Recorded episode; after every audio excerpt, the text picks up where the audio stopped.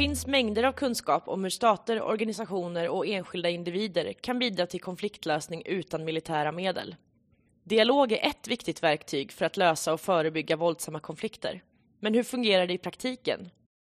I det här avsnittet av FUF-podden får ni lyssna till Andrew Ladley från Center for Humanitarian Dialogue i Genève och Tahir Aziz från Conciliation Resources i London när de berättar om hur de med dialog som verktyg försöker bidra till fredlig utveckling i Syrien och Kashmir.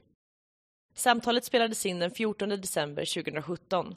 Om ni vill se filmen från seminariet så hittar ni den i vår Youtube-kanal, FUF Play. As you know, the title of the seminar is By Peaceful Means Supporting Conflict Resolution in Syria and Kashmir. Uh, and more specifically, we're here to learn about and to discuss dialogue as a tool for promoting peace in Syria and Kashmir. So, this seminar is part of a series of seminars and a project run by FUF during this fall. And the project is aimed at spreading knowledge and increasing debates about peaceful methods uh, to resolve and prevent armed conflicts. So, the first seminar considered mediation, sanctions, and civil resistance from quite an overall perspective. And the second seminar had a more specific theme. Um, we met with two representatives from ICAN, the International Campaign to Abolish Nuclear Weapons. Uh, sort of as an example of a successful peaceful movement and a campaign for for a global ban on nuclear weapons. Uh, so for this third and last seminar of this series, our focus is on sort of practical examples. And uh, we're happy to be joined here by two exciting guests, Tahir Aziz and Andrew Ladley. Uh, and Tahir Aziz is the South Asia Program Director at Conciliation Resources in London.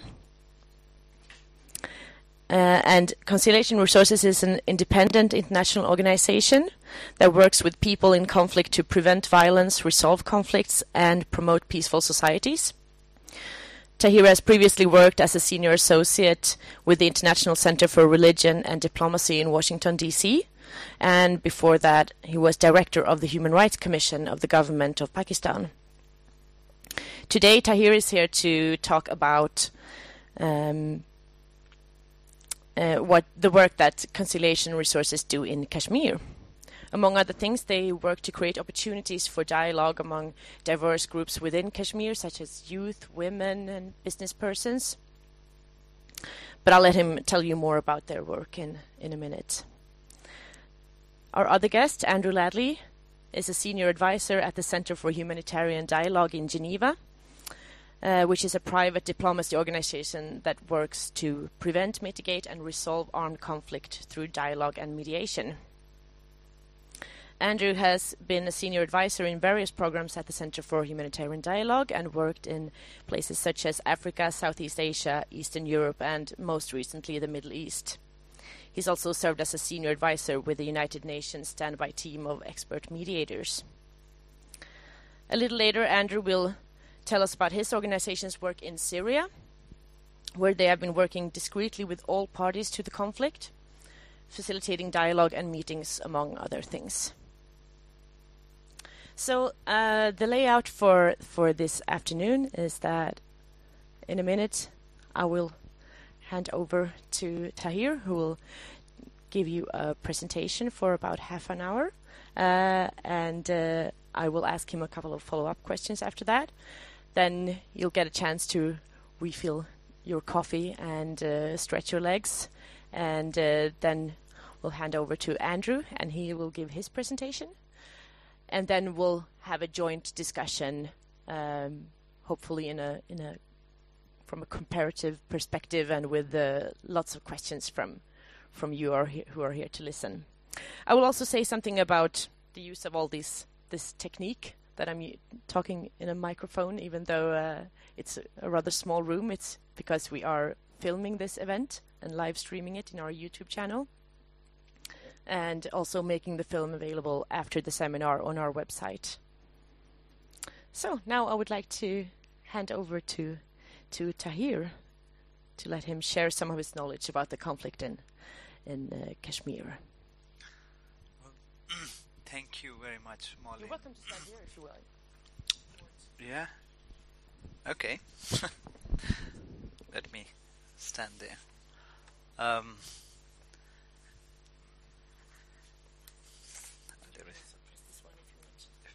Okay, thank you. Um, well, thank you, Molin, um, and thank you to FUF uh, for inviting me here today and uh, having the company of uh, our um, respected guests uh, and experts uh, is really um, something that I see um, with a great sense of privilege. Um, I have a PowerPoint presentation also, um, but then I thought it might get a bit boring for you, so the idea was to just um, speak. Um, but let me know if uh, if you would prefer something more visual, then uh, it is it is there, and uh, I can uh, set it up for you. Um, is that?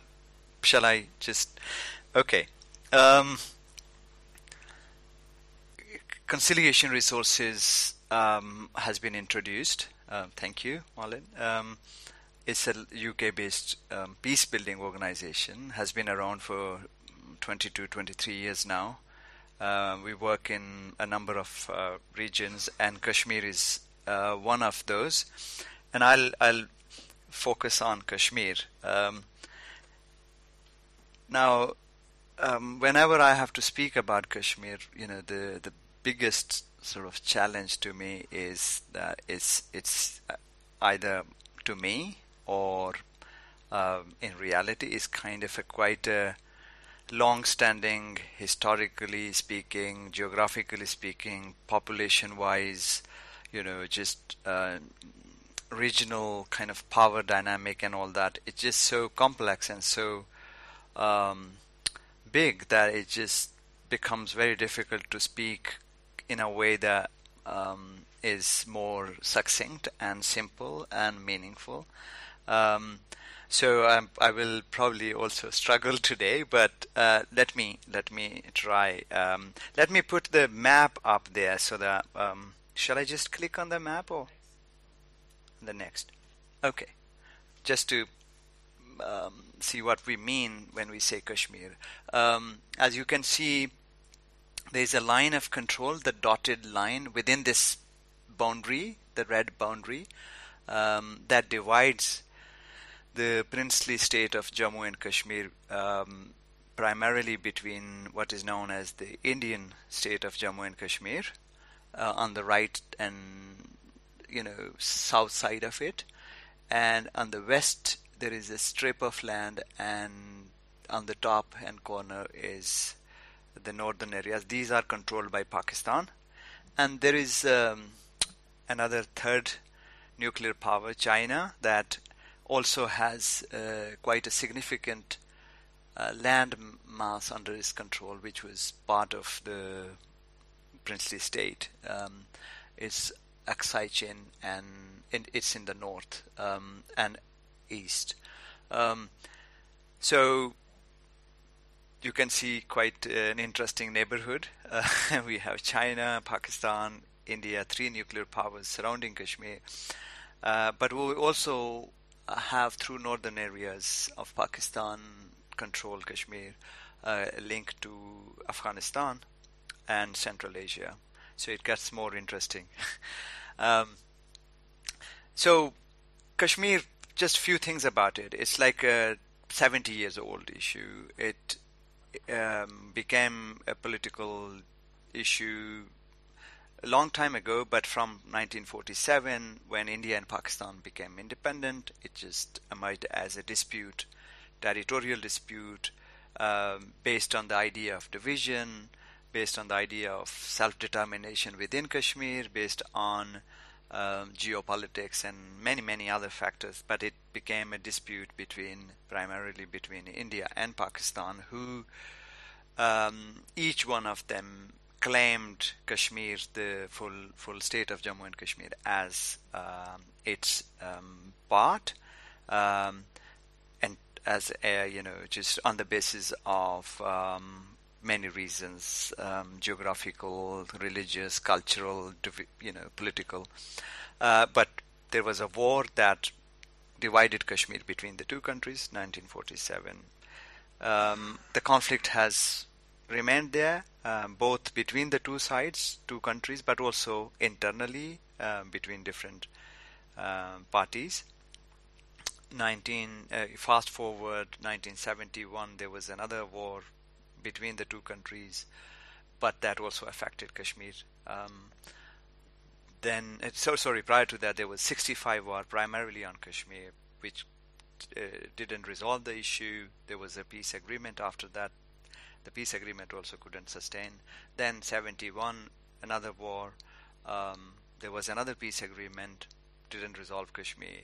Um, then the, the, kind of uh, whole competition between the two sides remained intact. They became one of the argument is that India and Pakistan almost became nuclear powers because of their rivalry over Kashmir. 1998, um, they declared um, explicitly that they are nuclear powers. But in 1999, there was another war on Kashmir, smaller one, which kind of became quite alarming because at that point they were nuclear powers and the world community was you know um, more um, uh, sort of worried at that point um, it subsided uh, but the conflict remained there the entire 70 years is a story of uh, quite an intense um, uh, conflict between the Pakistani and the Indian army. There have been peace overtures, uh, but most significant of those was between 2003 and 2007-8, when they actually spelt out quite a kind of a interesting way forward uh, to deal with Kashmir based on making the line of control as an irrelevant border. Very catchy phrase, very catchy idea, uh, quite transformative, had lots of takers within both countries, within Kashmir, but somehow, and we don't know why, there are many reasons, uh, including political chaos in Pakistan and also weak government in India, that these two countries couldn't, you know, just um, they they say some of the people who were involved in that say that they were just close to signing the final agreement, but it didn't happen.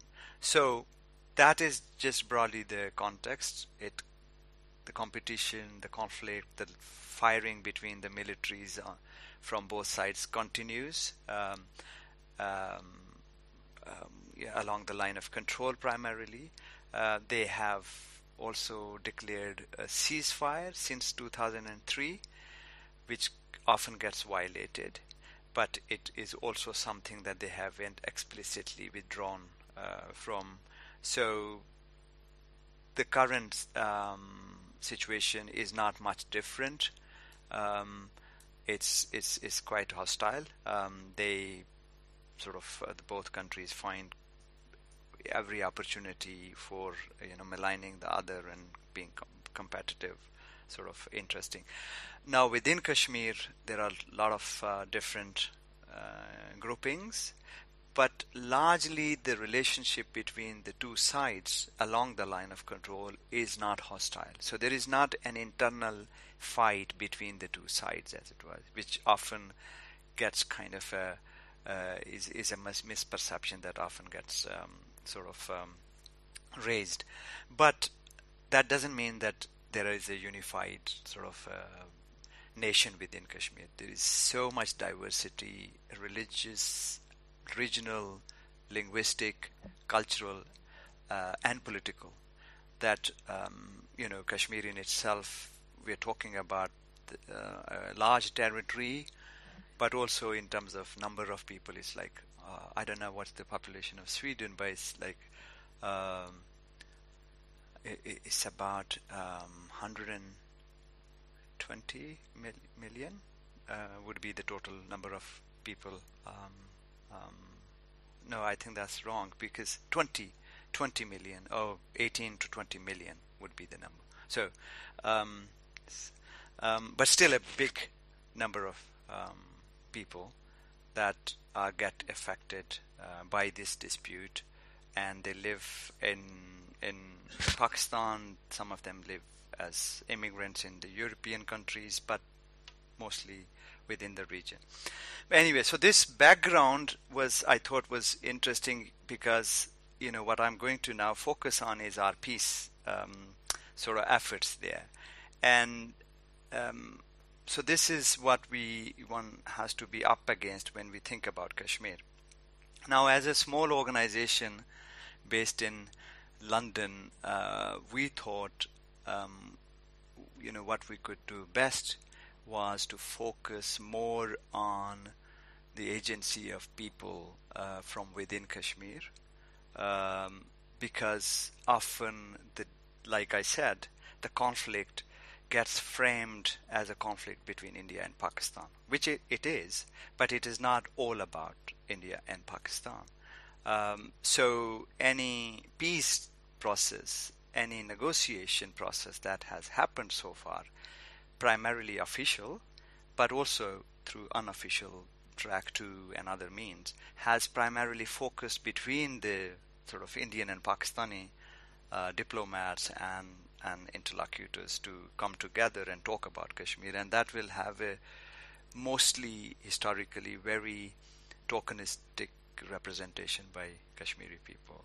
Um, so that has been the major thing. So what we thought about 10 years back, um, that we can perhaps fill some of that gap by working with people on both sides of the line of control to um, to see what kind of complementary processes can emerge through that interaction where uh, possibility for a final kind of uh, political negotiation could be more meaningful. And this has been, you know, just something exclusion of Kashmiri voices and opinion from a process uh, was something that has been a consistent sort of uh, um, demand by, by Kashmiris and has been raised as that they, they are not on the negotiating table. They are not a party which is recognized. Now, first of all, there hasn't been a proper negotiation negotiation table most of the time. But whenever there was, it was quite for a very limited time uh, between the two governments, and that was quite exclusively between the between Islamabad and New Delhi. Um, but um, you know, it like I said, 2003 and seven provided some new ideas in terms of the inclination of two countries to think outside of the box, and that also allowed some civil society thinking on Kashmir to look for some alternative, new creative solutions to that. And so, hence, this idea about making the line of control more humane and more accessible for Kashmiris as an kind of interim way for bringing transformation to the region without necessarily um, giving up on the sovereignty question or you know just dealing with in a more creative way was very creative approach. So that you know just provided some uh, opportunity and for people, and we uh, thought that that window of opportunity was uh, something that needed to be uh, practically um, expanded. And what what I mean by that is that the governments often, and this is our experience, that they often can. Um, it's very hard for them to. Ha- it has been very hard for them to agree to anything so far. But whenever they agreed, it was like they would agree and then leave it there. So I think there is a structural problem. I don't think it's only specific to Kashmir or India and Pakistan.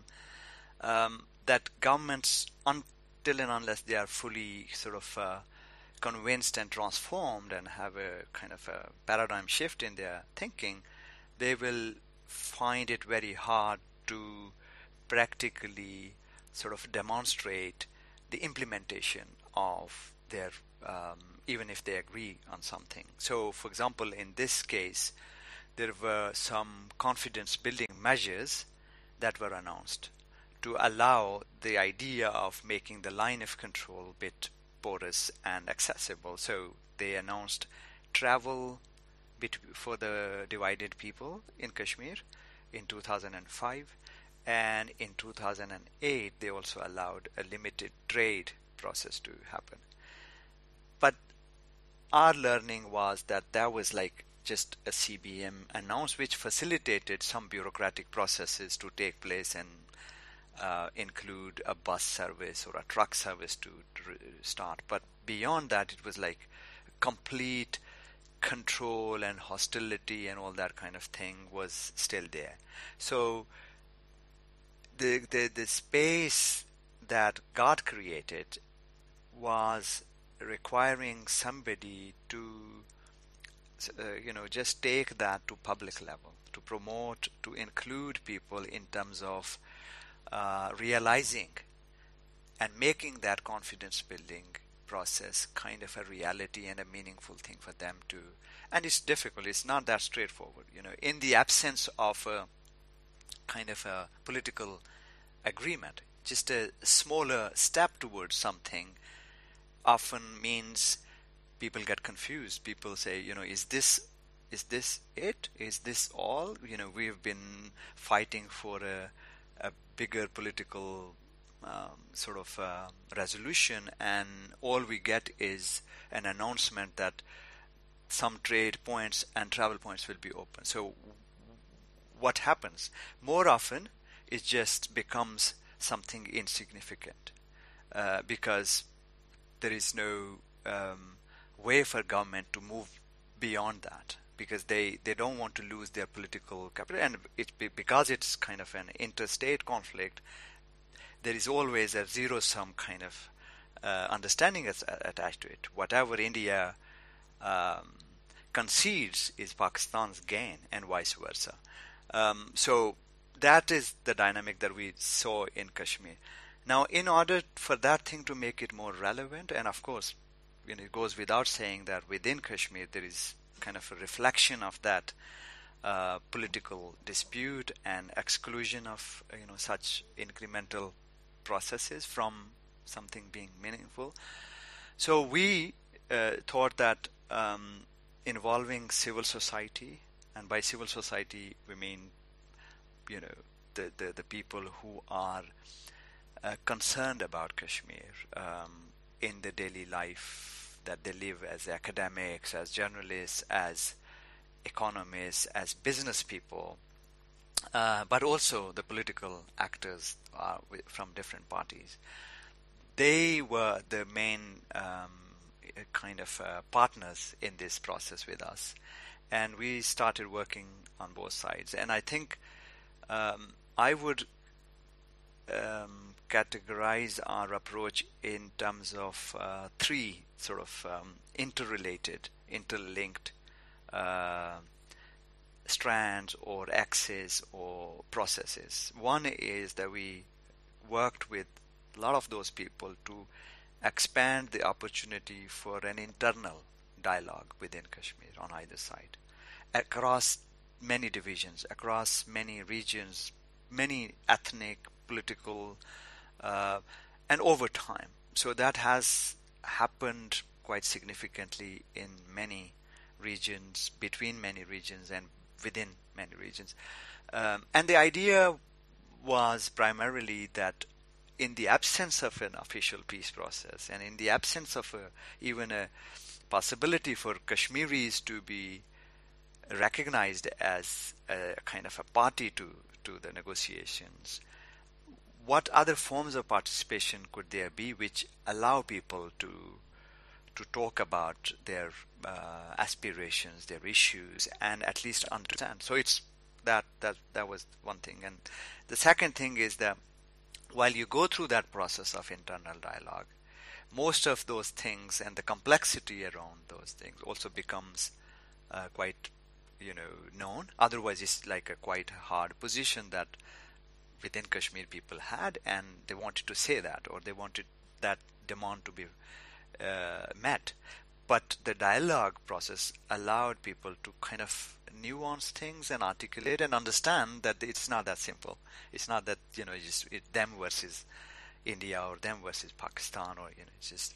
Um, so that has been a consistent process that we have been supporting. Of course, in one of the challenge there is that it does not necessarily resolve the bigger political issue, and people get often quite, uh, you know, just disappointed uh, with the fact that you know dialogue in itself does not, you know, produce the the final outcome.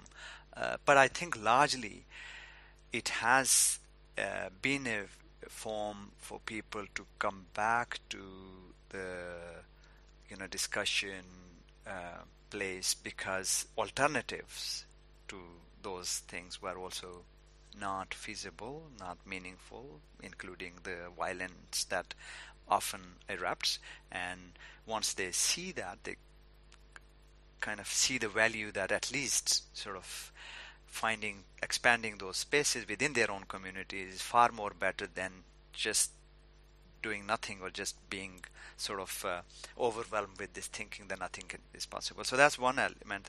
The other thing that we w- focused on and we did was the cross line of control uh, communication through practical things, through trade uh, and the business community's involvement in that in terms of kind of providing a institutional kind of arrangement to sustain that relationship. So there is a joint chamber of commerce and industry that uh, came into existence through this process, and it continues to be a forum that has um, membership, legitimacy, relationship, and kind of a working arrangement uh, between all these regions across the divide.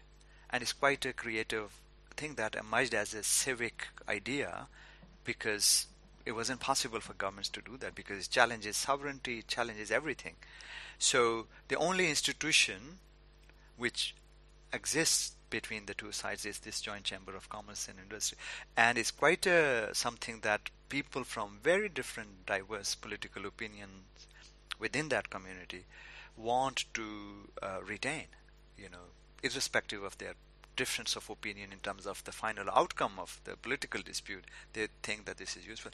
And over time, governments in Delhi and Islamabad also saw that as a transformative idea. So they haven't, you know, created any problems for that. They said, well, this is something that we never thought would be possible. It's, it's useful.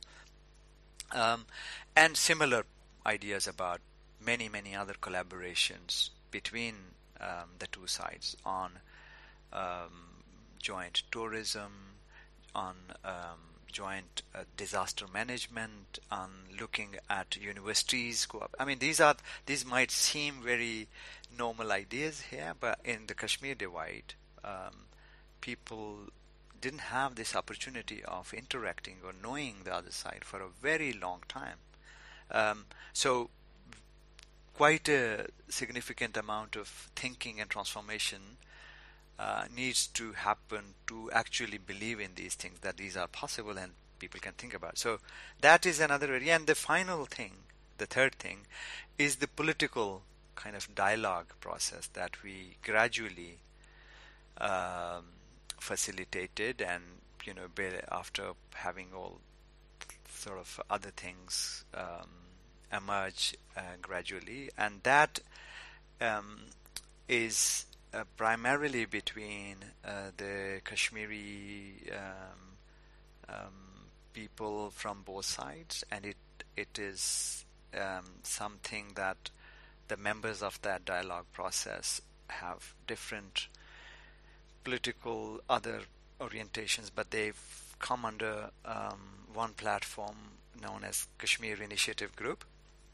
and the idea is not to find a sort of best solution to Kashmir. The idea is to see what incremental steps could be taken and and what could be done to avoid the exclusive politics and how the politically diverse opinions can be brought under one uh, roof to talk about that within Kashmir. So that has gradually allowed people to come under um, sort of uh, on a platform where I mean, if, even in the 70 years of Kashmir's history, that hasn't been possible. That you will have somebody from uh, the extreme opposite uh, parties come and sit. They didn't agree on, you know, just one um, solution or something, but the, the, the the mere fact that they have been able to to to negotiate things is in itself is.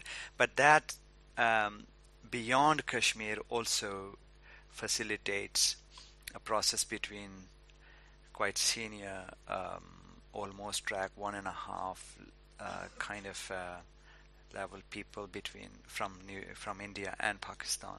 So the the approach that the two countries would talk and there will be some reference or presence of Kashmir was the norm.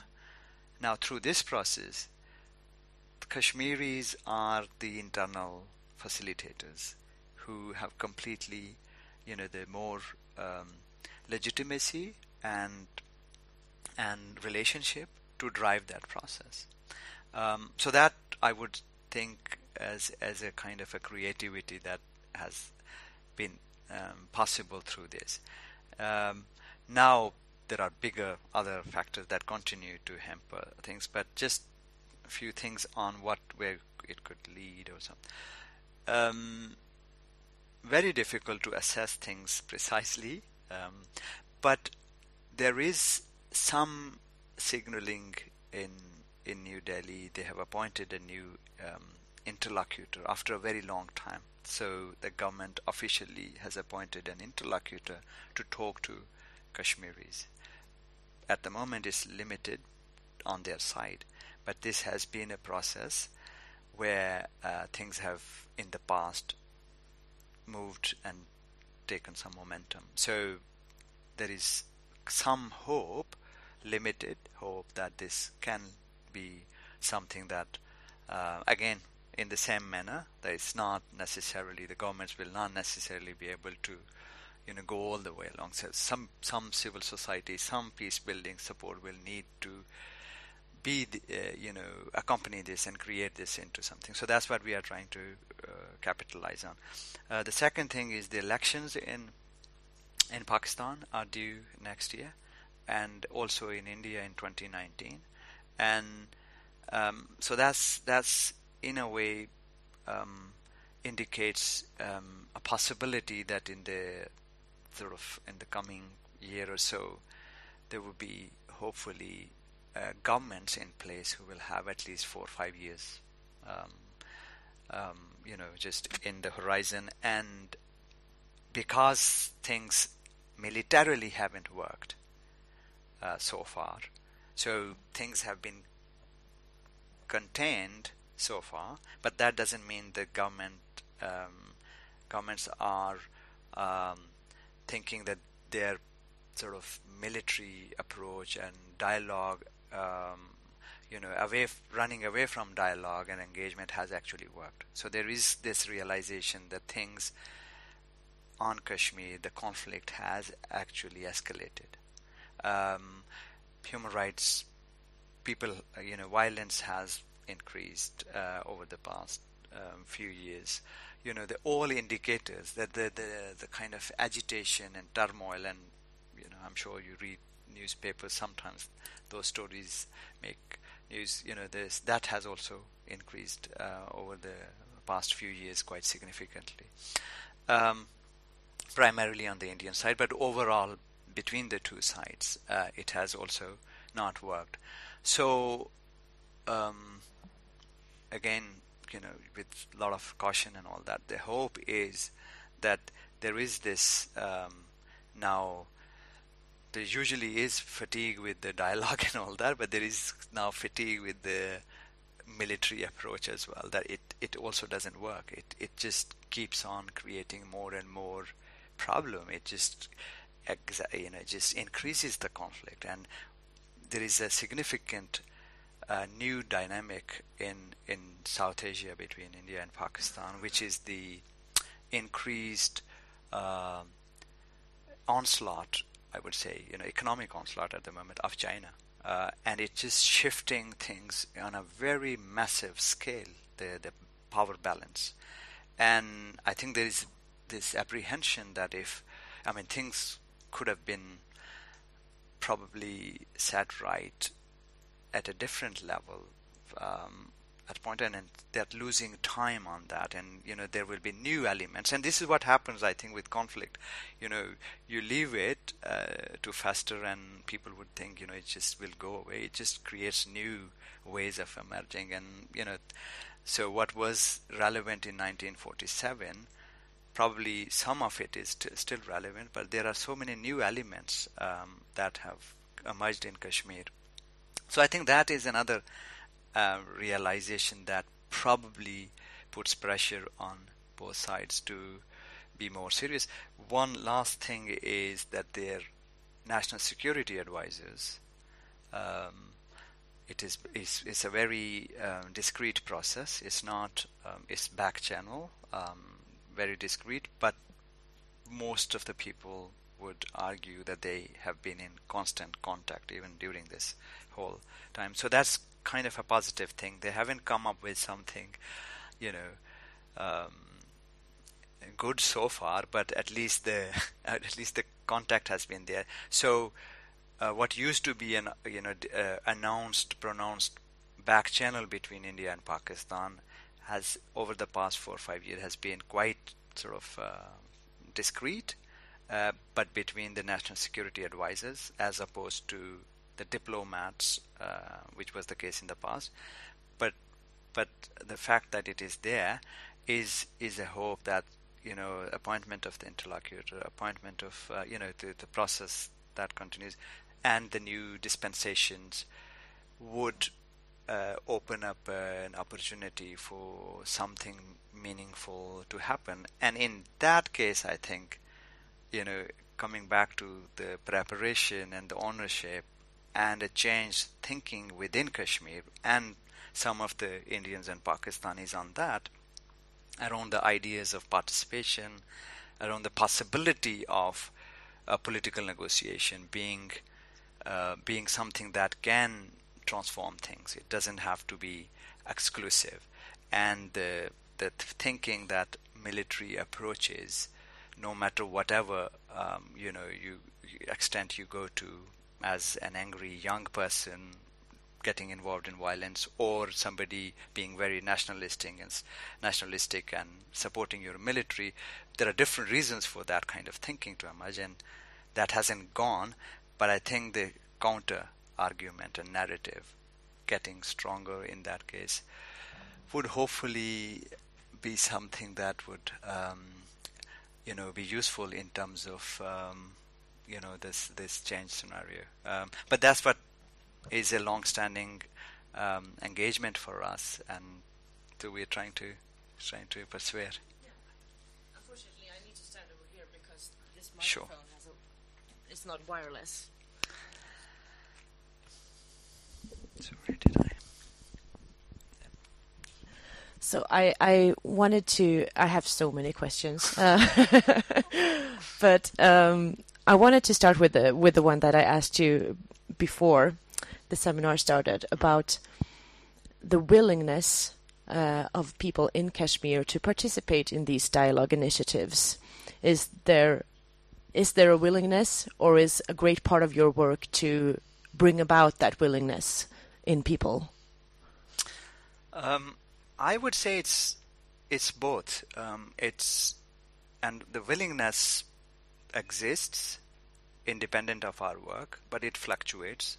It it it um, goes to different sort of um, extremes. Sometimes people would argue that as long as Kashmiri aspiration, Kashmiri aspiration of Kashmiris is considered, and they are recognized as legitimate um, party to the conflict, um, they are happy to negotiate and be part of the dialogue. So they are not. I mean, throughout this period, if you look at the if you look at the party position, Kashmiris have been consistently arguing for dialogue. Even the most extreme people who say there is no, they can't compromise on their ultimate political goal, but they still say they are ready to have a, dialogue. But of course, they are the weakest party here. So the dialogue, um, they, they, they, they say that. But at the same time, I think um, it is also true that the the the, the, the conflict often gets violent, and which means there is violence on the streets, there is violence across the line of control, and it's very interesting um, question as to, to to determine who initiated that and all that. And um, it's not again Kashmir is not the only place where that happens, but that violence often leads to most of the time it leads to uh, more extreme positions. And one of the position is that until and unless certain condition is met, APHC All Parties Hurriyat Conference, which is the umbrella organization for the separatist um, camp, um, they would say until and unless India agrees to an unconditional kind of um, dialogue, which means that it has to be outside of the Indian constitution, uh, they say they're not ready to have any dialogue with that. And now civil society hasn't come up with saying, you know, APHC is wrong and India is right or India is wrong or that. But more often, through the work that we have done and others have done, you see a lot of uh, support, a consistent support, and the difference is the consistency. Even in terms of in the pay, in in the times where there is extreme violence, or in times where there is relative calmness, a consistent increased voice saying there is no other way. Dialogue is the only option.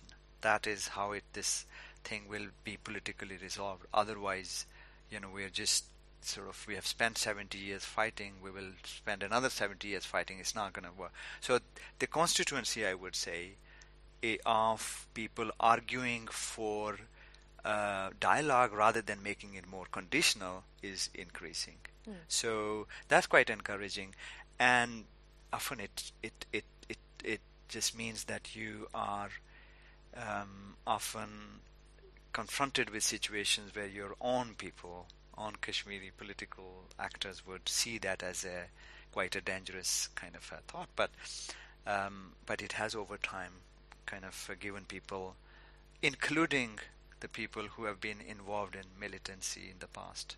So this trade process that I mentioned, most of the actual traders are from the military, you know, former combatants who were like involved in, and because the nature of that conflict uh, has divided them, and they were like they would move from the Indian side to the Pakistani side, and then you know was very engaged in that. The the the the divided sort of family nature of that allows them to do that trade because it's kind of a barter trade. It's not a financial transaction that they can do. So you can only get involved in that if you know the person on the other side, you can trust them, or you can you know barter with them mm. rather than having a kind of a guarantee that the, your payment will be made or something. So that's why it has it has persuaded and it has despite all the control and all securitization and all that, it has survived and increased and included many, many other people over time. Um, so there was a recent study that um, suggests that between 2008 and 15, ever since they started, just seven years, the I mean, in international standard, is nothing, but it's about 700 million US dollars worth of trade that has happened just between those two tiny kind of uh, um, parts and on on a sort of a barter level. Um, so this speaks of the huge uh, demand, you know, kind of uh, uh, incl- you know, intent mm. that has over time. I mean, it wasn't there. It was like this idea was also not there. So, mm. yeah, responding to your question, does it you know, this is it a product of peace building efforts? I would say yes. largely it is true. But also, the fact that there is no such huge hostility between the two sides as such mm. also means that Kashmiris have always been since you know the beginning been marginalized. So they would, as a Weaker party, also would say, let's have dialogue, let's have political negotiations. Mm. So that was the well. This is quite encouraging to hear. Um, but then I would like to ask you about, or ask you to, to talk a bit more about um, the connections between the informal and the formal processes. Sort of the, um, I mean, the, the connections uh, between the, the, the dialogue that civil society is part of and the political process between the governments.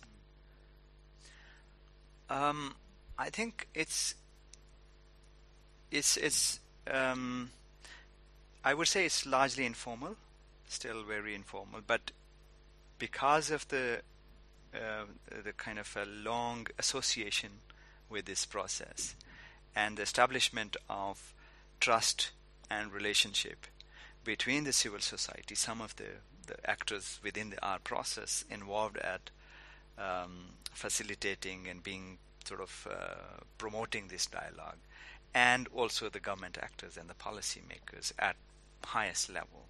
Um, that's how it's quite an interesting way of um, influencing and and keeping sort of informed that that those two levels of um, that those two levels. I mean, there is no official dialogue as such uh, at the moment uh, happening, and the only one is quite sort of um, secret. Uh, the NSA's one, but the policy uh, decisions vis-a-vis Kashmir, you know, based in Delhi or in Pakistan, the people who are responsible for that and the people who are national security people who are in sort of prime minister's office who are in the ministry of home affairs or in the foreign affairs and um, they are informed and they kind of uh, uh, quite sort of um,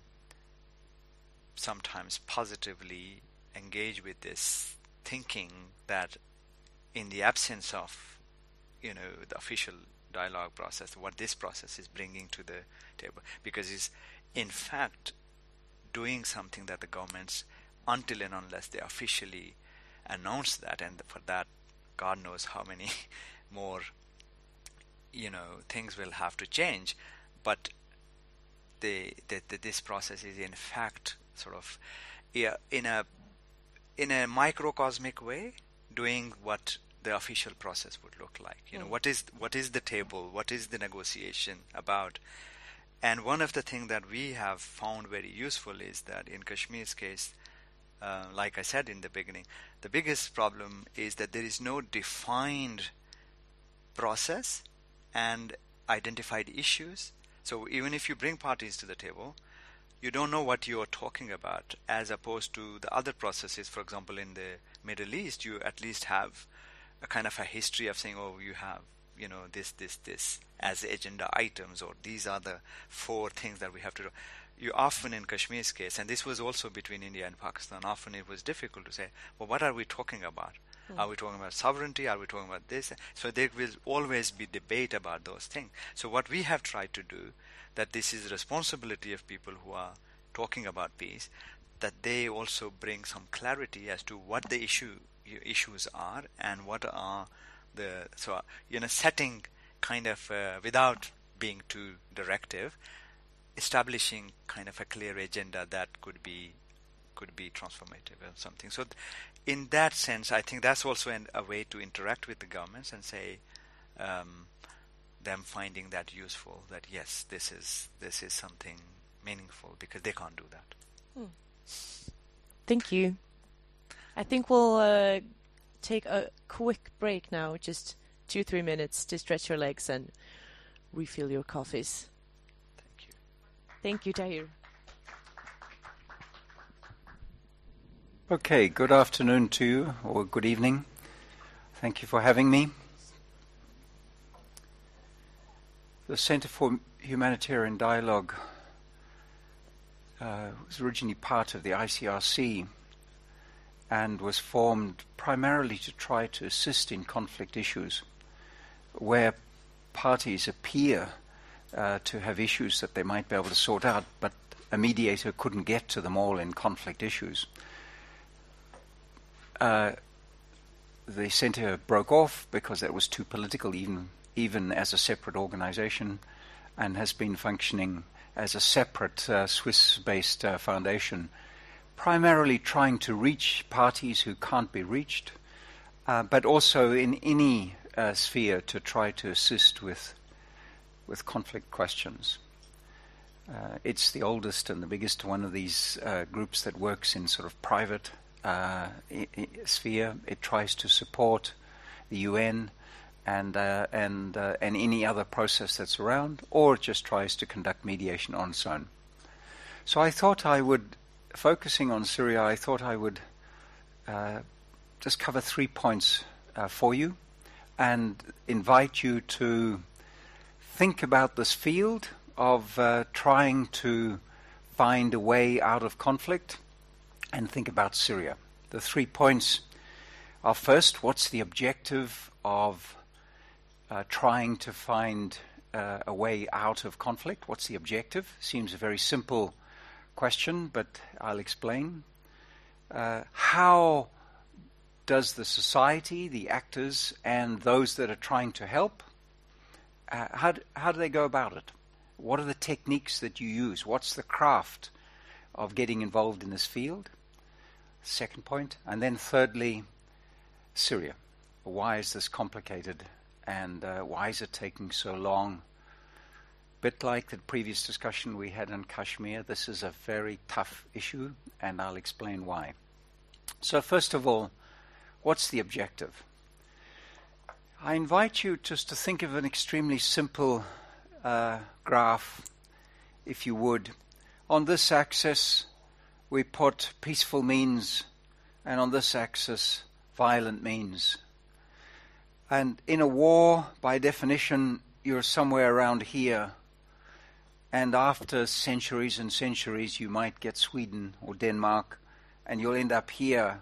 Relatively little force, large amounts of political and social s- rules and systems for dealing with competition. So your goal is to go up this way. And of course, it's not a straight line.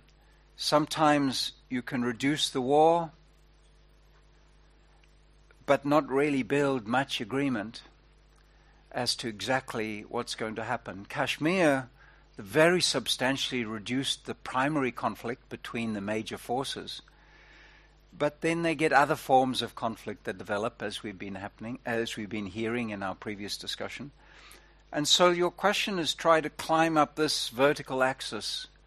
And you do that by what I call social contracting. In other words, by getting agreements. Some of those agreements might be big ones, the Constitution, a peace agreement.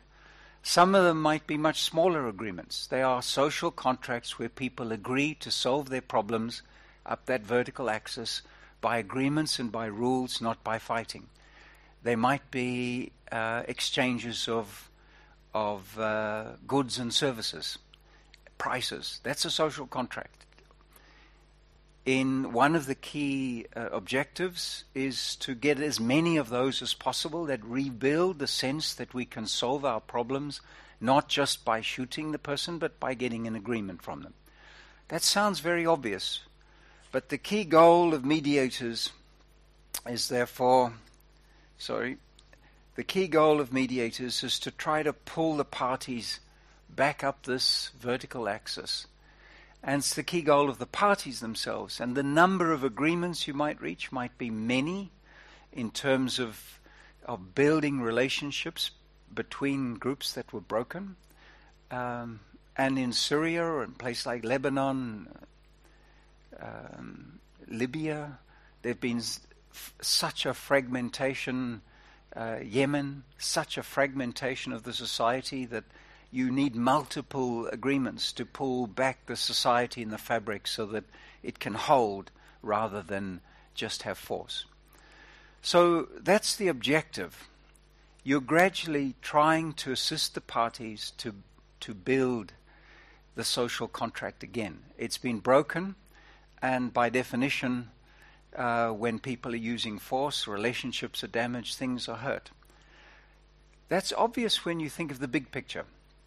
So, uh, Europe, Second World War, major possibilities of uh, of um, uh, so Europe, First World War, try to build a social contract, League of Nations, try to build a, a set of rules, didn't hold. Second World War, let's do it again. Built the United Nations, and the core part of the United Nations says, let's not do this again. So it's the classic example of climbing up that hypotenuse, if you like, trying to climb the vertical axis. That's a big picture. And peace agreements are big pictures of those. But peace agreements often aren't enough when the society is broken. And those ag- kind of relationships need to be repaired. So, what's been described in our previous speaker is an attempt to do exactly that. In Kashmir, an attempt to try to find relationships, get people talking, do cross border commerce. Uh, there's discussions that happen between security officials mostly not known. But can you ever get enough political agreements such that you can stitch together again that social fabric? It's not clear. That takes me to po- point number two. So, point number one then, what's the purpose? The purpose is to try to assist the parties to rebuild a series of social contracts, some of which might be peace agreements, but all of which help. The second, then, how do, how do you go about that? What's the technique? What's the craft? What's the mechanism that you use? Now, all of that really requires you, it's obvious, to understand the drivers and the key decision makers. If, you, if, if it's an agreement that you need, who's going to agree? And, and can they? Uh, can they agree? What's going to be the agenda? So you need to understand the decision makers, the sources of the conflict, the history, you need to understand what it is that's going to incentivize people to keep the situation as it is. Kashmir's been like that for 40, uh, 70 years. Um, people get used to it. It's moving somebody away from a present situation requires a lot of energy. It's a core law of physics. You know, if you want to change something, it requires energy to move them there. So you have to understand what it is that's going to move the parties from a long established conflict. And the longer it goes on, the more people develop mechanisms for getting gains and so on from it, and you get the so called spoilers, the people who are going to resist any attempt to build these agreements. So the first point of, um, of the craft is to properly understand the situation. That requires research, cultural background, history, and quite a lot of little eye intelligence about understanding the actors. Who are they? What motivates them? And so on. In mediation, uh, you only have consent. In the kind of work that we do, you need people to say, Yep, I'll do that. And that requires you to understand what drives them, and it requires them to trust you, and it requires you to work closely with them. And if they say, No, you're just irrelevant, just gone, and um, we saw an example of it yesterday in the Syria talks, which I'll come back to, uh, of where the government of Syria released a document taken inside the negotiation, uh, not the negotiation, but the discussions. Um, and, um, and they did it for a purpose. Their purpose was to say, we don't like what's going on. But consent, then. You, it's the craft of finding consent. Understanding is the key. And then there's a whole range of techniques by which you build the trust of the parties and you gradually work with them to say, how far do you want to go in this regard? And many of them say, what's the point? And this is the my last point underneath this second one is what's your theory of change? In other words, what what if we do this, then what? What's going to lead? How is A going to lead to B and B going to lead to C and then what? And a lot of the time, the parties want that explained as best as possible. They don't expect miracles, because very often they're much more realistic than mediators who can be very optimistic. But they may they do expect a frank discussion of what your what the process might work and what the theory is. How might this go? That's much more complicated than it sounds. It's very common sense. You must come up and say, if these parties can talk to those people and reach an agreement about X, that might help us develop a bus route between these two communities. If the bus route goes there, you might need goods and services. That might reduce the checkpoints. The checkpoints going down will mean that trade can flow a bit more. Trade flowing a bit more will mean that people uh, uh, start getting invested in not shooting as as buses go uh, along that trade route. That's the kind of theory of change that you build at a local level where they say, What are we doing? Why are you asking us to talk about these checkpoints? At a national level, this is also extremely hard. Who are the parties? Because we think of conflicts involving, you know, kind of an identifiable soldier, an identifiable combatant.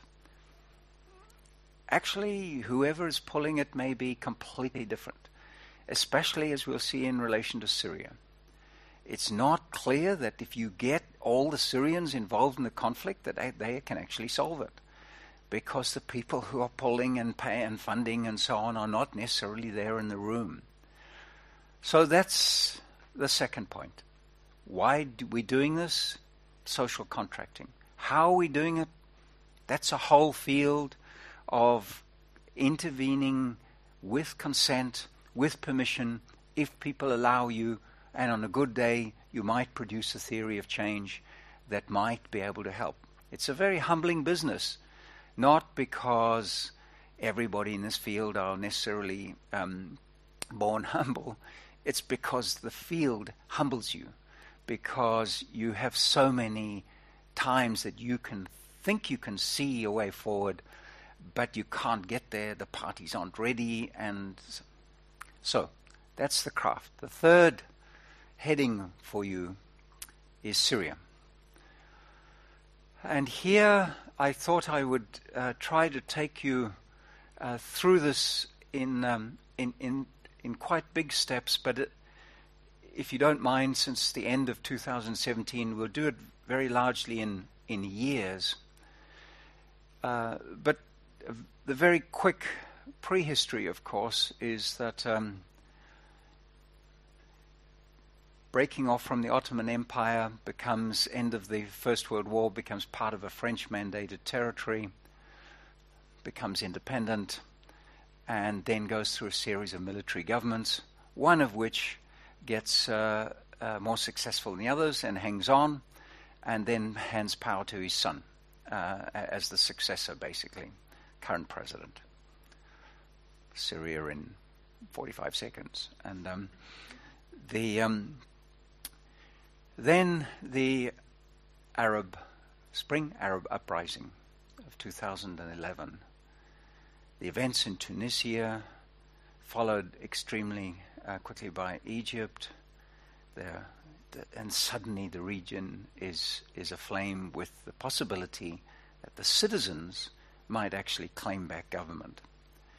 And you know, all the analysts have basically said you have sort of democracy movements in Latin America and you have democracy movements in Asia and Middle East just doesn't seem to do democracy movements and let's just sort of leave that aside. There's sort of form of authoritarian government which appears to be stable and it's going to be there forever. So this takes everybody by surprise, as you know, including uh, the um, the citizens and the, and most of the rulers. And then you get that period of dramatic change where the previous social contracts have gone, and then the question of can they be rebuilt and who's going to rebuild them? Who's going to rebuild the constitution of Tunisia uh, with the, the rulers gone? Who's going to rebuild Libya? You know, where Libya functions without a constitution, just with a form of personal government since Gaddafi took over. Almost no uh, state institutions that function in the ordinary way we do it. Almost no NGOs, no social institutions. The tribes have been squashed. Who's going to rebuild the social contract in Libya? When you try to climb up my uh, graph from war in Libya, and you try and imagine the steps of going up that hypotenuse, who's going to do that and how they're going to do it.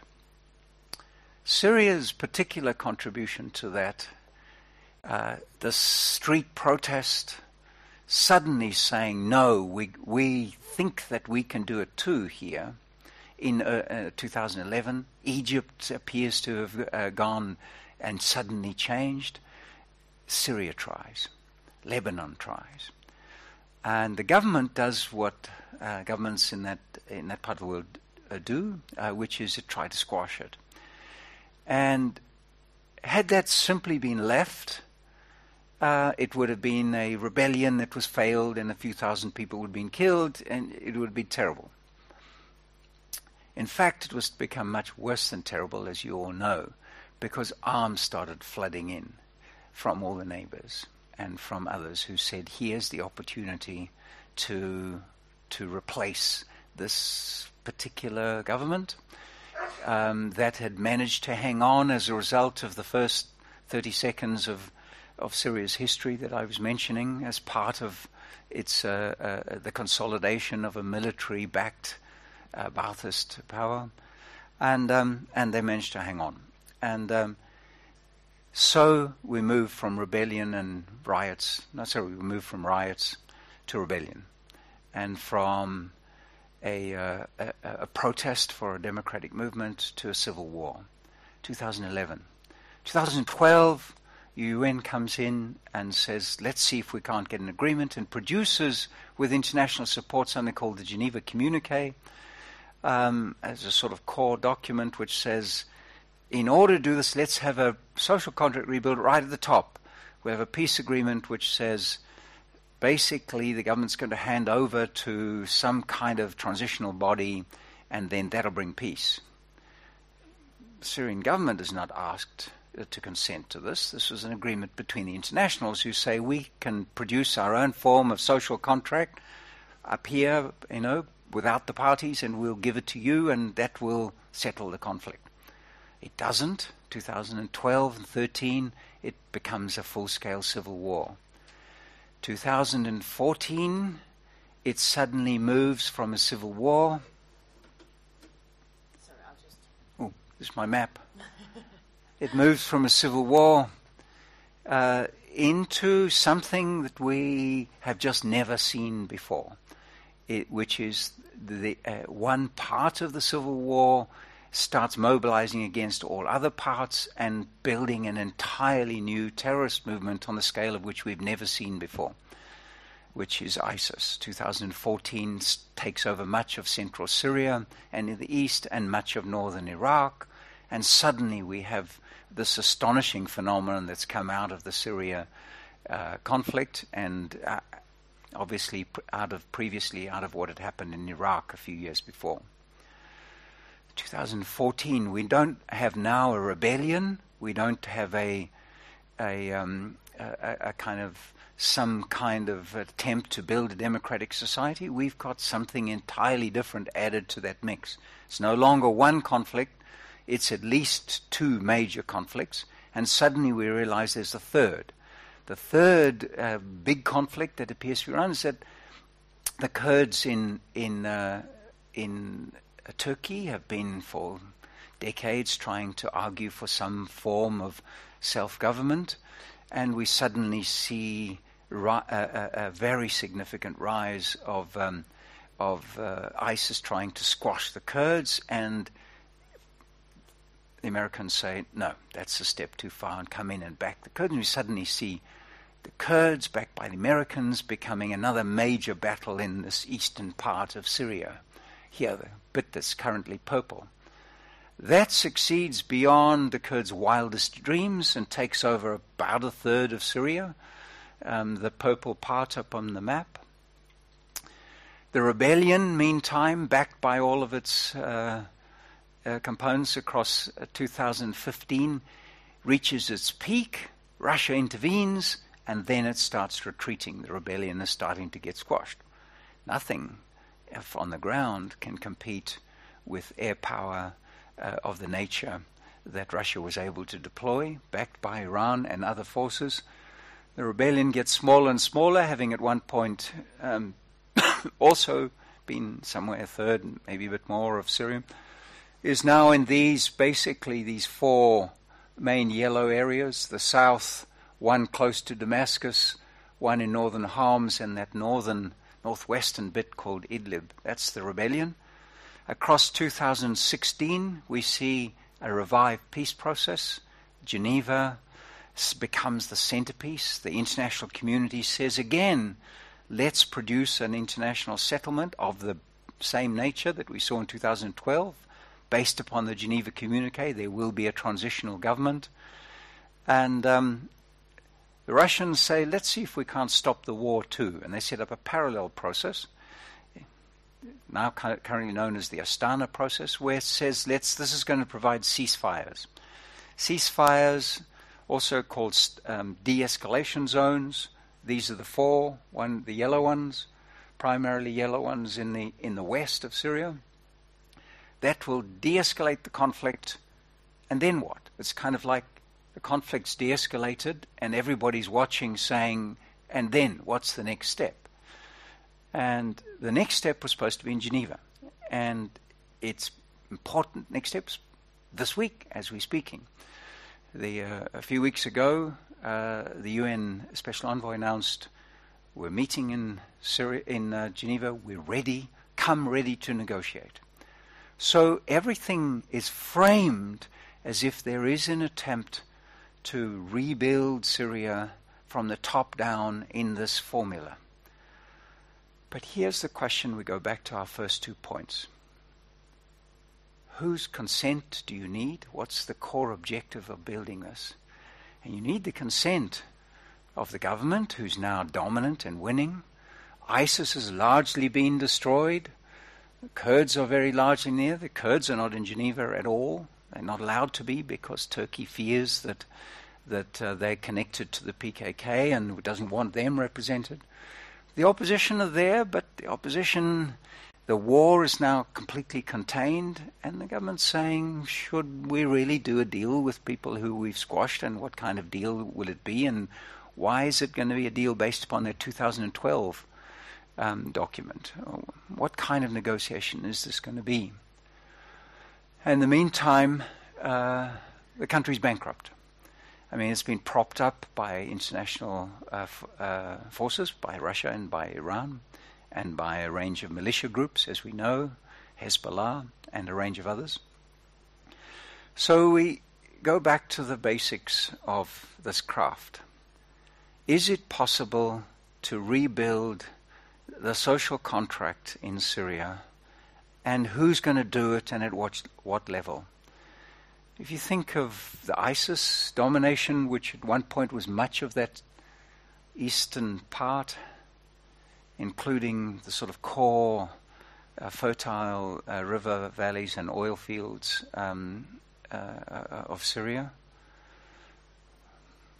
ISIS defeated. Imagine how shattered are those local communities after two, three years of being governed by this organization. If the opposition is to reach an agreement, um, how's it going to step back into a relationship with its neighbors, with their neighbors, and with the government of Syria, which says, let's move from war and let's climb up our, our, the hypotenuse, climb up that vertical axis. Let's build some political mechanisms of dealing with this, which aren't about punishment, imprisonment, um, bombings of your areas, but which are about saying we want to end the war. Are they ready to do that? Organizations at multiple levels are trying to work at uh, with communities to try and build the social contracts there and hope that they can uh, will be able to function together. It's going to be a long process. Syrians say we know how to live with each other and we can do that as long as we aren't frightened. Syrians say we can do this. Of course, the so- social contract's been shattered, but the primary shattering is political on a social level, we know each other. We can get on. This is not hard. At a social level, so everybody who fears this huge sectarian division, Syrians say we can do this.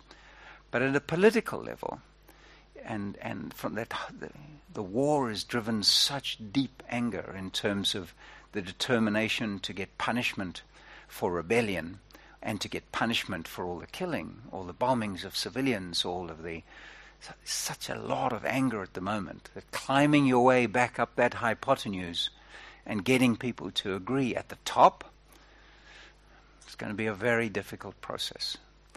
The, the Syrian government and the Syrian opposition have never had one discussion between them. All the discussions that have happened in the last few years have been separate rooms with the UN because they can't at the moment even be in one room in terms of all of that. So, from a mediation point of view, the UN has got this. We've, we have the process, they're all here, and yet we're seeing nothing coming out of it. So, what's the theory of change? The theory of change is that at some point the parties will be ready. And until then, we have to keep the room ready. We have to make it available. We have to make small progress and let's see if we can't gradually build an understanding and get closer and closer. That's the theory of change. It's a very thin, you know, for people who live up in the north, it's the first ice across uh, the stream that you later hope to be able to, to ice skate on, but it's only the first, and it's not very thick. And if you put your foot down too heavily on that thin theory of change, it's going to go. And so Who's driving this from the international community so far? Russia. Russia appears to say we intervene militarily, we're going to try and help the parties to, to settle. But are they ready? Are they going to climb up uh, that uh, hypotenuse? Are they going to try to rebuild the social contract at the top level? Syria looks paused. The war has mostly ended in the east. The war is paused in the West. The parties are assembled, and yet it's stuck. It's completely stuck. And if you, the example that I mentioned that I would come back to was a film that was taken of and put on the internet um, of uh, the Syrian delegation pointing to a map, and the caption and uh, the commentary was Syrian de- uh, um, delegation um, schools uh, the special envoy on basic matters relating. Now, this is a very big put down to take a confidential uh, negotiation and put something like that. It's on the internet. And um, so, and it was released. Uh, it's an attempt by the government to say we're not really happy with this process uh, going on. So, those talks I think are supposed to end uh, today or tomorrow. We'll see an announcement. Like all of us, uh, we live in eternal optimism. It would be wonderful if today, um, uh, uh, notwithstanding uh, this video yesterday, um, a breakthrough came and, and the Syrian uh, parties say that they will begin face to face negotiations and they will start climbing up towards a, a peaceful set of rules which say, let's end this terrible, terrible conflict. So we've had two years of that 2016, 2017. The year ends now with a sense that Syria really, really does appear to be ready to, to do something uh, quite dramatic. But can it? And is the technique there? Is the craft there? Are the parties ready? In very often in wars, and this was true of Sri Lanka, there were so many attempts to get an agreement in that civil war. They weren't taken until finally the government just said, right, I'm just going to impose what is now known as the Grozny solution, which is I'm going to bomb this place to pieces and then we'll rebuild the social contract like we'll rebuild the city from rubble. And we'll gradually build a set of rules, but there will be rules that we impose and and buildings that we build and not they aren't going to be rely upon your your opposition anymore. That's what's happened in some parts of this conflict, in Aleppo, and others are completely, cities completely flattened. And Syrians, bit by bit, are starting to say in there, can we rebuild our lives? It's just worth just refocusing again on the figures. Eh? I mean, more than half of Syrians have been pushed out of their homes and are, are on the run in temporary accommodation. It's more than half the population. And uh, about a third, maybe a bit more, of the population is out the country. and um, uh, uh, refugees, including here. And um, the question is, what kind of a social contract do you need before they'll go back? In other words, on my little diagram here, forgive me, it's my not my best art. Um, if the war is here, if you can push the war back, but not really build a safe society and a set of rules, but just stop the war, is that going to be enough? I was saying, it's okay, we've stopped the war, let's go home. You know, we don't care about politics. Or do you have to go quite a long way up here to create a society where people, it's predictable, where people know the rules, where they aren't going to get imprisoned uh, because they didn't do military service, where the punishment will stop? It's not clear to me at the moment that the process can climb much up here, that the parties are ready. But it is the ambition of mediators, and it's the ambition of everyone who works for a more peaceful world. The lesson for us uh, in Western Europe, I'm from New Zealand, but I claim it here um, uh, just for this discussion, is that if you go too far along here in terms of conflict, this process has to be maintained, held, and believed in, and you and, and it's it's it's it's the the process of climbing back up here is what will hold your society together. But it often requires lots and lots of defenders and people to hold that climb up there. And, uh, and in Syria, it does appear at the moment that parties are, certainly the government, is more anxious in winning than it is in climbing up here. And so I'm nervous about the future uh, at the same time as I'm very optimistic we try to contribute, but you know, half a million, maybe 600,000 Syrians, maybe somewhere between 50 and 100,000 people imprisoned who we may never see again. Nobody knows what the numbers are. It's a pretty big conflict to um, to have happened, and maybe half the population displaced. This has happened in six, seven years, and let's hope that we can contribute in some way to ending it. Thank you. Hmm. Um, just uh, a couple of things about this map um, before that was my talk, but all I wanted to say is that you know Turkey. One thing that isn't clear about that is that Turkey intervened in that dark green area, and I didn't mention that, which is um, uh, in order to stop the purple spread, and um, and uh, so Turkey maintains quite a substantial hold in that area. And it's currently, uh, of course, one of the most peaceful and, and one of the most prosperous areas because t- Turkey's pouring resources in into stabilizing it. So that the part of that is it's just part of the mosaic that, that Syrians worry that their country might be breaking up into different colors that are going to hold like that for quite a long time under the influence of different parties. But of course, the ambition is to bring it together in one united Syria. Thank you for a very interesting presentation, Andrew. Um, I wanted to get back to something more practical.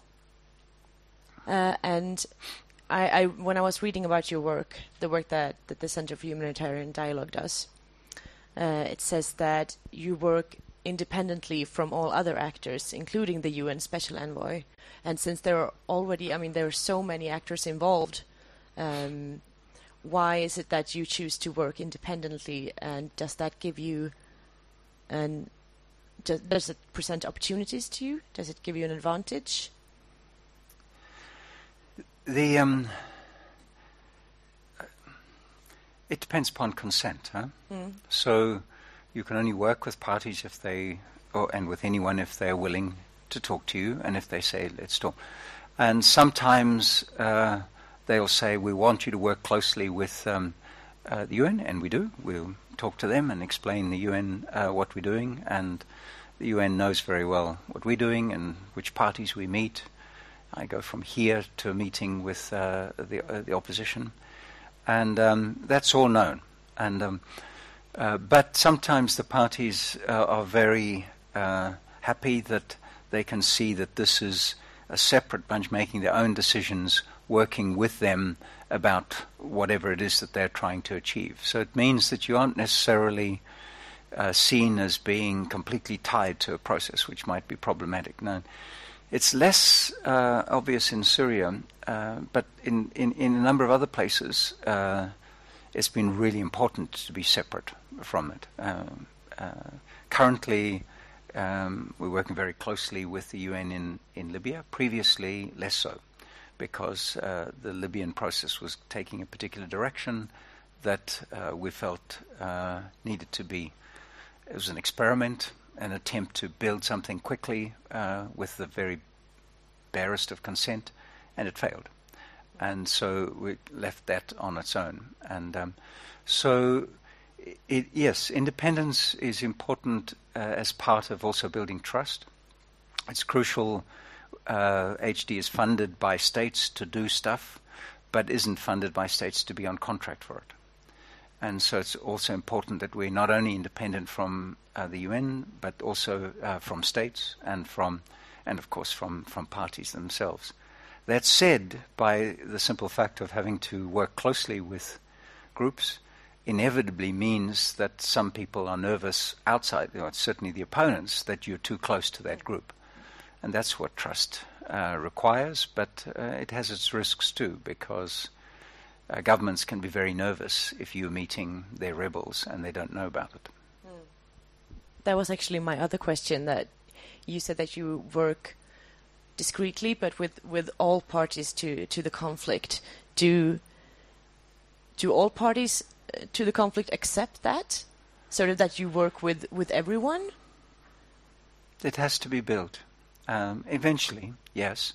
Um, uh, in structural terms, uh, in each place, it depends. So, in one area, it may be that the government says, "We don't need your help," but um, but meet the parties. That's fine as long as you tell us. In other areas, and so in one in some areas we simply won't work with the government, and and the the, um, the, opposition will know that we're only working with it um, in order to help it prepare for a political process.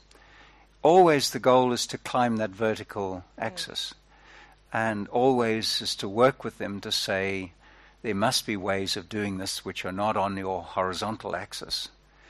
And from and it requires the parties to agree to that. So how precisely you work with who mediation is very complex. So sometimes all you're doing is preparing one group just to do something. It isn't. It isn't always that you're working with all sides and you and you're sort of acting like a conductor. Mm. You might be at one point you might be a violinist, at another point you might be cleaning the shoes of the conductor. You know, it depends upon the role that the parties are wanting you to do, yeah. and whether or not you have a theory of change as to how that might help you climb up um, the, um, uh, the vertical axis on that simple graph. Mm. Thank you.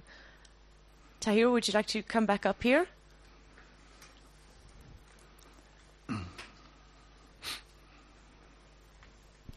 I know that we don't have much time left. I hope it's all right with you if we of course. take a few extra minutes. Um, I mean, I, I had prepared some questions, but I, I, I really want to let you to give the opportunity to the audience to to ask questions, and it would be great to to get questions that are for, for both Andrew and and Tahir. So uh, sort of get into a more comparative discussion. Do we have any questions? Yes. I will repeat uh, the question afterwards because this one is wired. So.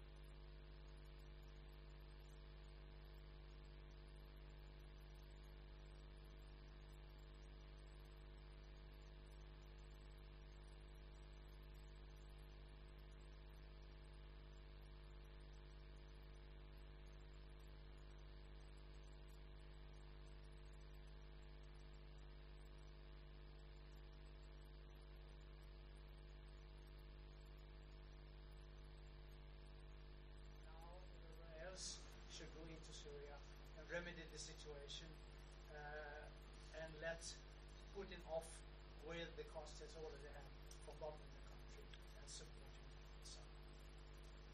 Do you want to repeat that? I don't think I can repeat the full, the full question. okay, so but but the question is is about uh, the role of of Putin uh, in Syrian conflict. So uh, Russia, having invested a, a lot in in protecting the uh, the government from from collapsing, the time the Russians intervened was the peak of the um, the war. ISIS was really rising and, and, and, and quickly taking over the country, and the government was looked as if it was about to fall militarily. But the forces that were now likely to be competing were no longer just democratic forces from the street. Uh, there was this now complex set of forces which included jihadis, two major groups, and um, and uh, and and it looked as if it might reproduce another Lebanon, uh, another um, Libya. In other words, a collapse of the central state and and lots and lots of militia and so on. So Russia intervened to say, at the request of the government, to say we're going to prevent this government from falling, and um, and it's a sort of state building exercise. So. Uh, my your, the core to your question, I think, is why would Russia now help fix this, as opposed to just walk away and say we've we've we've protected it from collapsing, and it's now up to everyone else.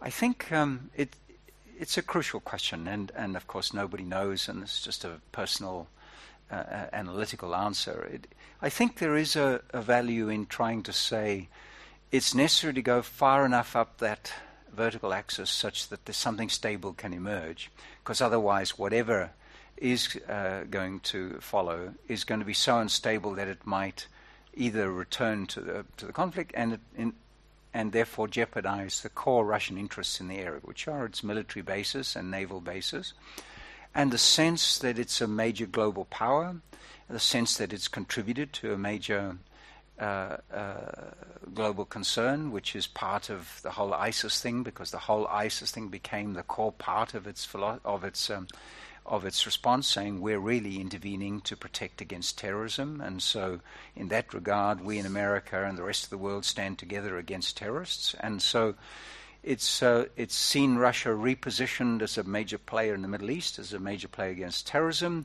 as a major player internationally, and being taken seriously again, and as a contributor to peace, uh, partly for domestic purposes. Um, in terms of uh, the elections next year in Russia, but partly it seems to me also that um, as a player, a significant player, it wants to get a tidy picture that's reasonably durable.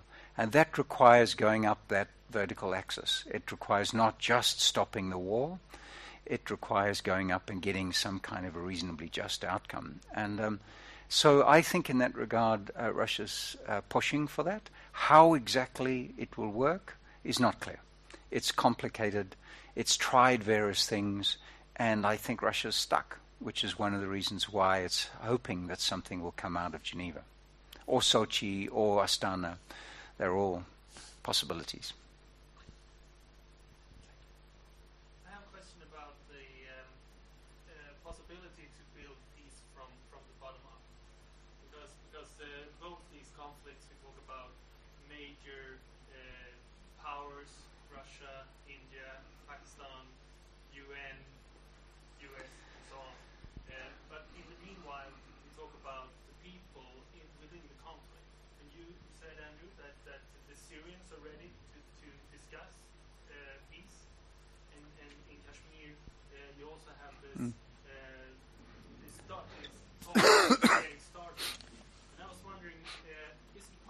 to, to create this, this social contract, like from the bottom up?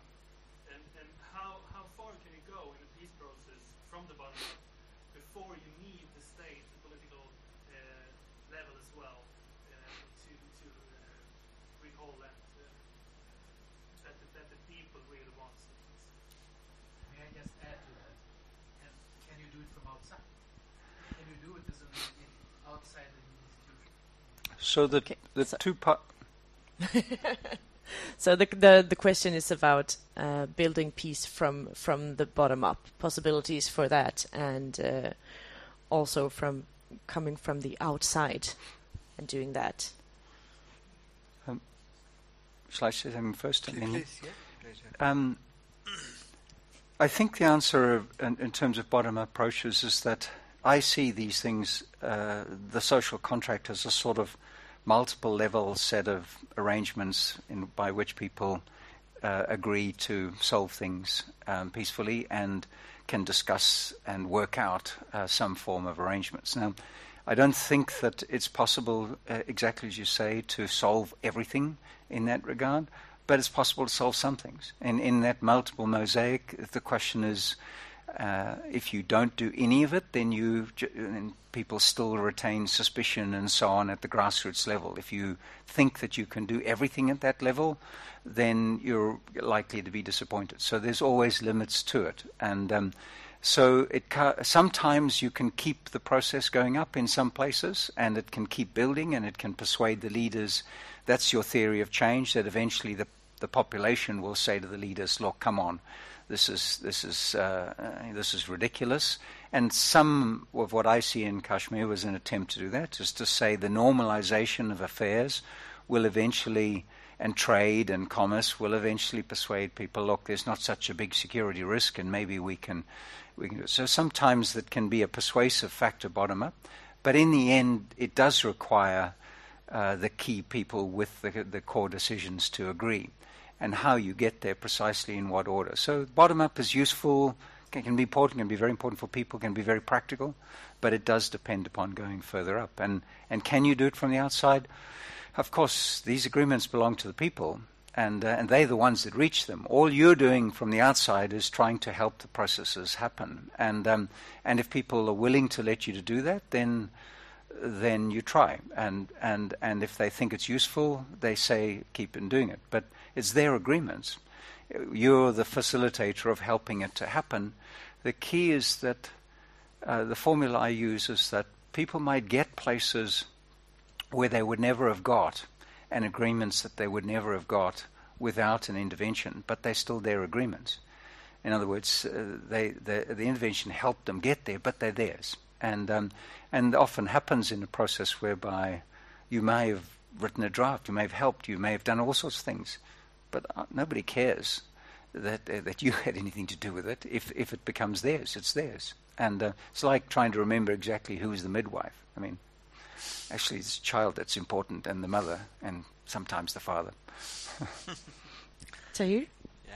No, thank you, Andrew. I, I, I don't think I can add much, but um, in terms of bottom up and even in terms of the external and internal, my sense is that it's it's never a linear kind of a process that you start with bottom up and then you reach there.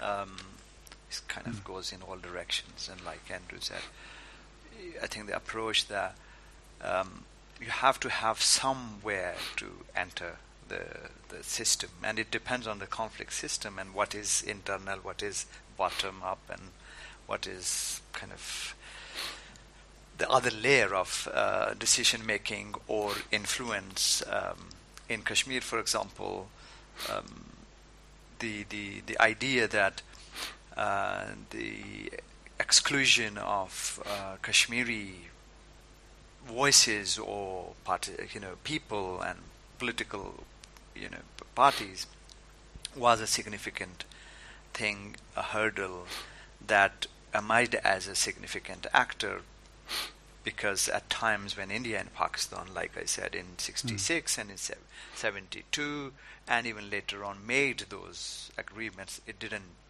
work out. And one of the things was the Kashmiris were saying, we don't accept this divide, we don't accept the ceasefire line or the mm. line of control, and it's about us, and it's not just only about India and Pakistan.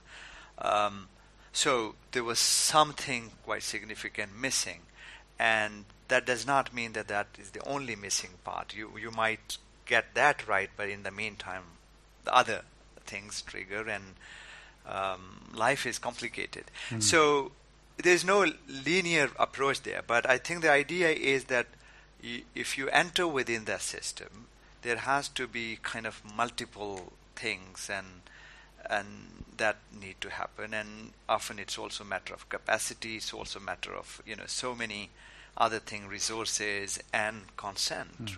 primarily. Who wants to engage with you? And often it's not that straightforward. You know, the governments don't necessarily want certain political voices to be part of the, the, the sort of uh, negotiations and and so idea is quite of a incremental approach and there are certain things if you do them shift things on the uh, ground level that creates a different possibility or a different horizon for people to see something that is in a particular moment missing from the scene. And it's like yeah it's one step forward and maybe 10 steps backward.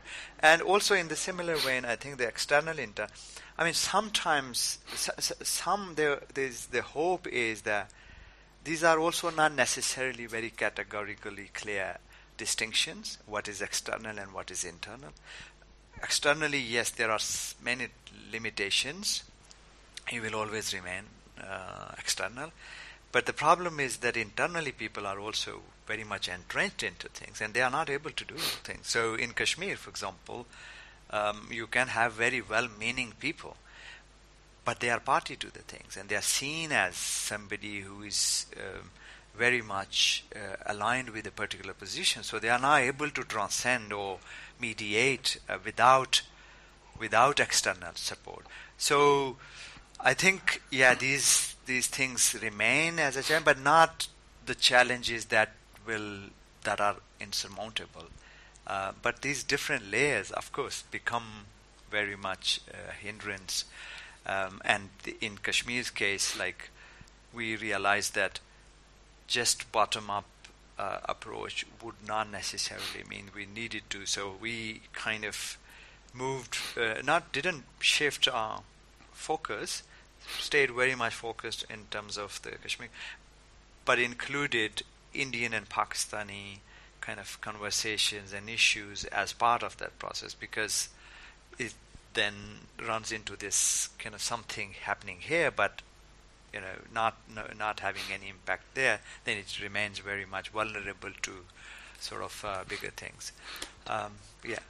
I, I was just going to say, illustratively, in terms of you know linear process, if you think of that graph, it's more like the sort of the, the, line that ends up through a series of points that have been plotted. In other words, if you actually were to follow it, it might go like this, but hopefully across a century, you'll see a line that goes through which is broadly going up there. It's never going to be a straight line in terms of uh, uh, of going there, and which means, for me at least, it, but at least if if there's a, co- a coherent connection between them, you're enabling things that the parties might not have done without an external intervener. But in the end, it has to be their social contract because it's a little bit like the problem with the Syrian one, and I think this would come back to yours. The social contract that got given to the Syrians uh, was a, was one agreed by four um, international par- parties, and the Syrians didn't discuss it.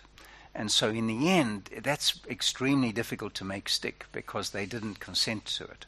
And and um, it's the same thing in Yemen. In, in Yemen, the, the United Nations said the people who have invaded the capital must leave, go back, and then we'll continue with the um, uh, uh, the transition that was under, in place. Now, that's not a recipe for peace. It's saying go back or else. It's a recipe for war. And um, because you have to force them to go back if they disagree.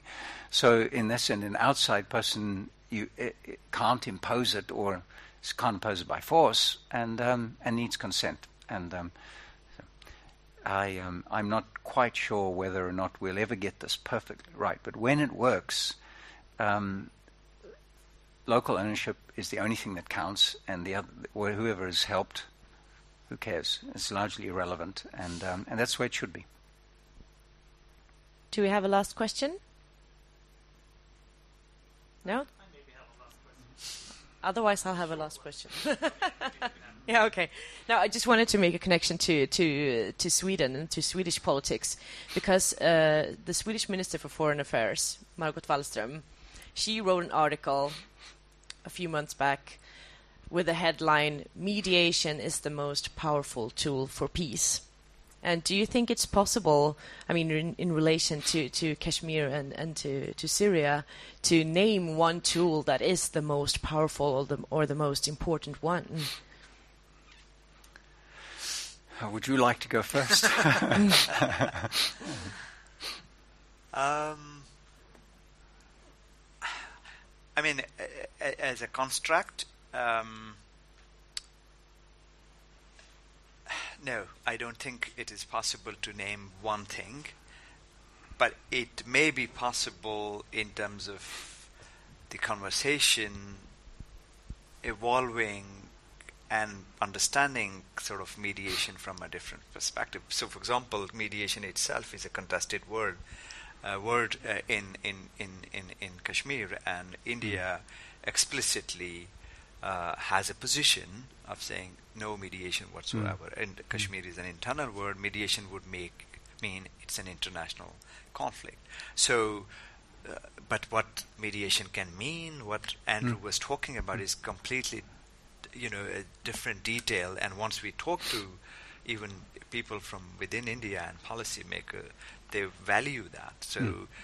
so how the, the, the loaded kind of uh, ness of a word uh, can also create a different hurdle or opportunity. It just depends. So in Kashmir, I'm kind of struggling to think about what I, I, I think it would be local, local meaning Indians, Pakistanis included within that ownership that mm. would that would ultimately make a social construct. Otherwise, externally you can have in on Kashmir we have about 60 plus very brilliant solutions articulated mm. spelled out but they didn't work because you know there was no political process to to do them so i think ultimately it will have to be a local social kind of uh, that local social social contract mm. locally owned might be the uh, might be the you know word that i would go for uh, mediation if I may make two um, responses to her comments, and um, the first is that one of the things that's extremely interesting to watch in this field is that uh, peace, in the sense of that horizontal um, level in my simple graft, in the sense of ending the war, is not enough, and that in order to climb up that, part of what you've got to do is to say to the society as a whole what kind of balance are you going to want between the, everyone in the society and who's going to reach those agreements and so on. Which brings in uh, the question of rebuilding not just the contracts to deal with competition for power, but the questions about the social contract too, in the in the broadest sense, and particularly the role of women. And what's interesting for me in terms of that is that, it, in terms of again, in terms of core technique, is that rebuilding the place of women in these societies, refinding a place for them to be safe, requires their consent too. And so, and building it might require the primary consent of the of the uh, gov- of the forces to end the war on the horizontal axis, but climbing up the vertical axis needs needs more and needs all of the people in the society. And one of the things that's particularly becoming a prominent um, feature, in my view, of this whole field is the attempt to try and find ways of building the, the full components of who's been involved in the, in the conflict and who suffered, and the full components of who's going to be involved in, in uh, rebuilding uh, the new sets of rules. And that critically includes a gender question. So, in addition to mediation being a key part of peace. One of the things I think that Sweden and she in particular have put on the agenda, if I understand it, is saying we want a place where everyone is safe, not just where the men with guns are safe. And that includes a key role of women in any peace building or in any mediation exercise. So that, uh, for me, is also particularly important. And by the way, it's a it's a, a subject we haven't talked on. I've sort of done big picture questions. But it is something that I think is crucial for us to understand what kind of Syria might emerge from this. Because the hopes that emerged in 2011 across the whole of the Arab Spring weren't only just hopes for a freer society for, um, uh, for men, there were hopes for a freer society for the whole society. And it'll be interesting to see if Uh, Tunisia certainly has made major stages, and it'll be interesting to see if Syria can get out of that uh, some kind of a just society for all of its people. Thank you so much. Thank you so much for coming here and for your interesting presentations. Tack för att du lyssnat på FUF-podden. FUF är en ideell organisation som arbetar för att öka kunskapen, engagemanget och debatten i Sverige kring frågor som rör hållbar global utveckling. Mer information om vår verksamhet hittar du på fuf.se.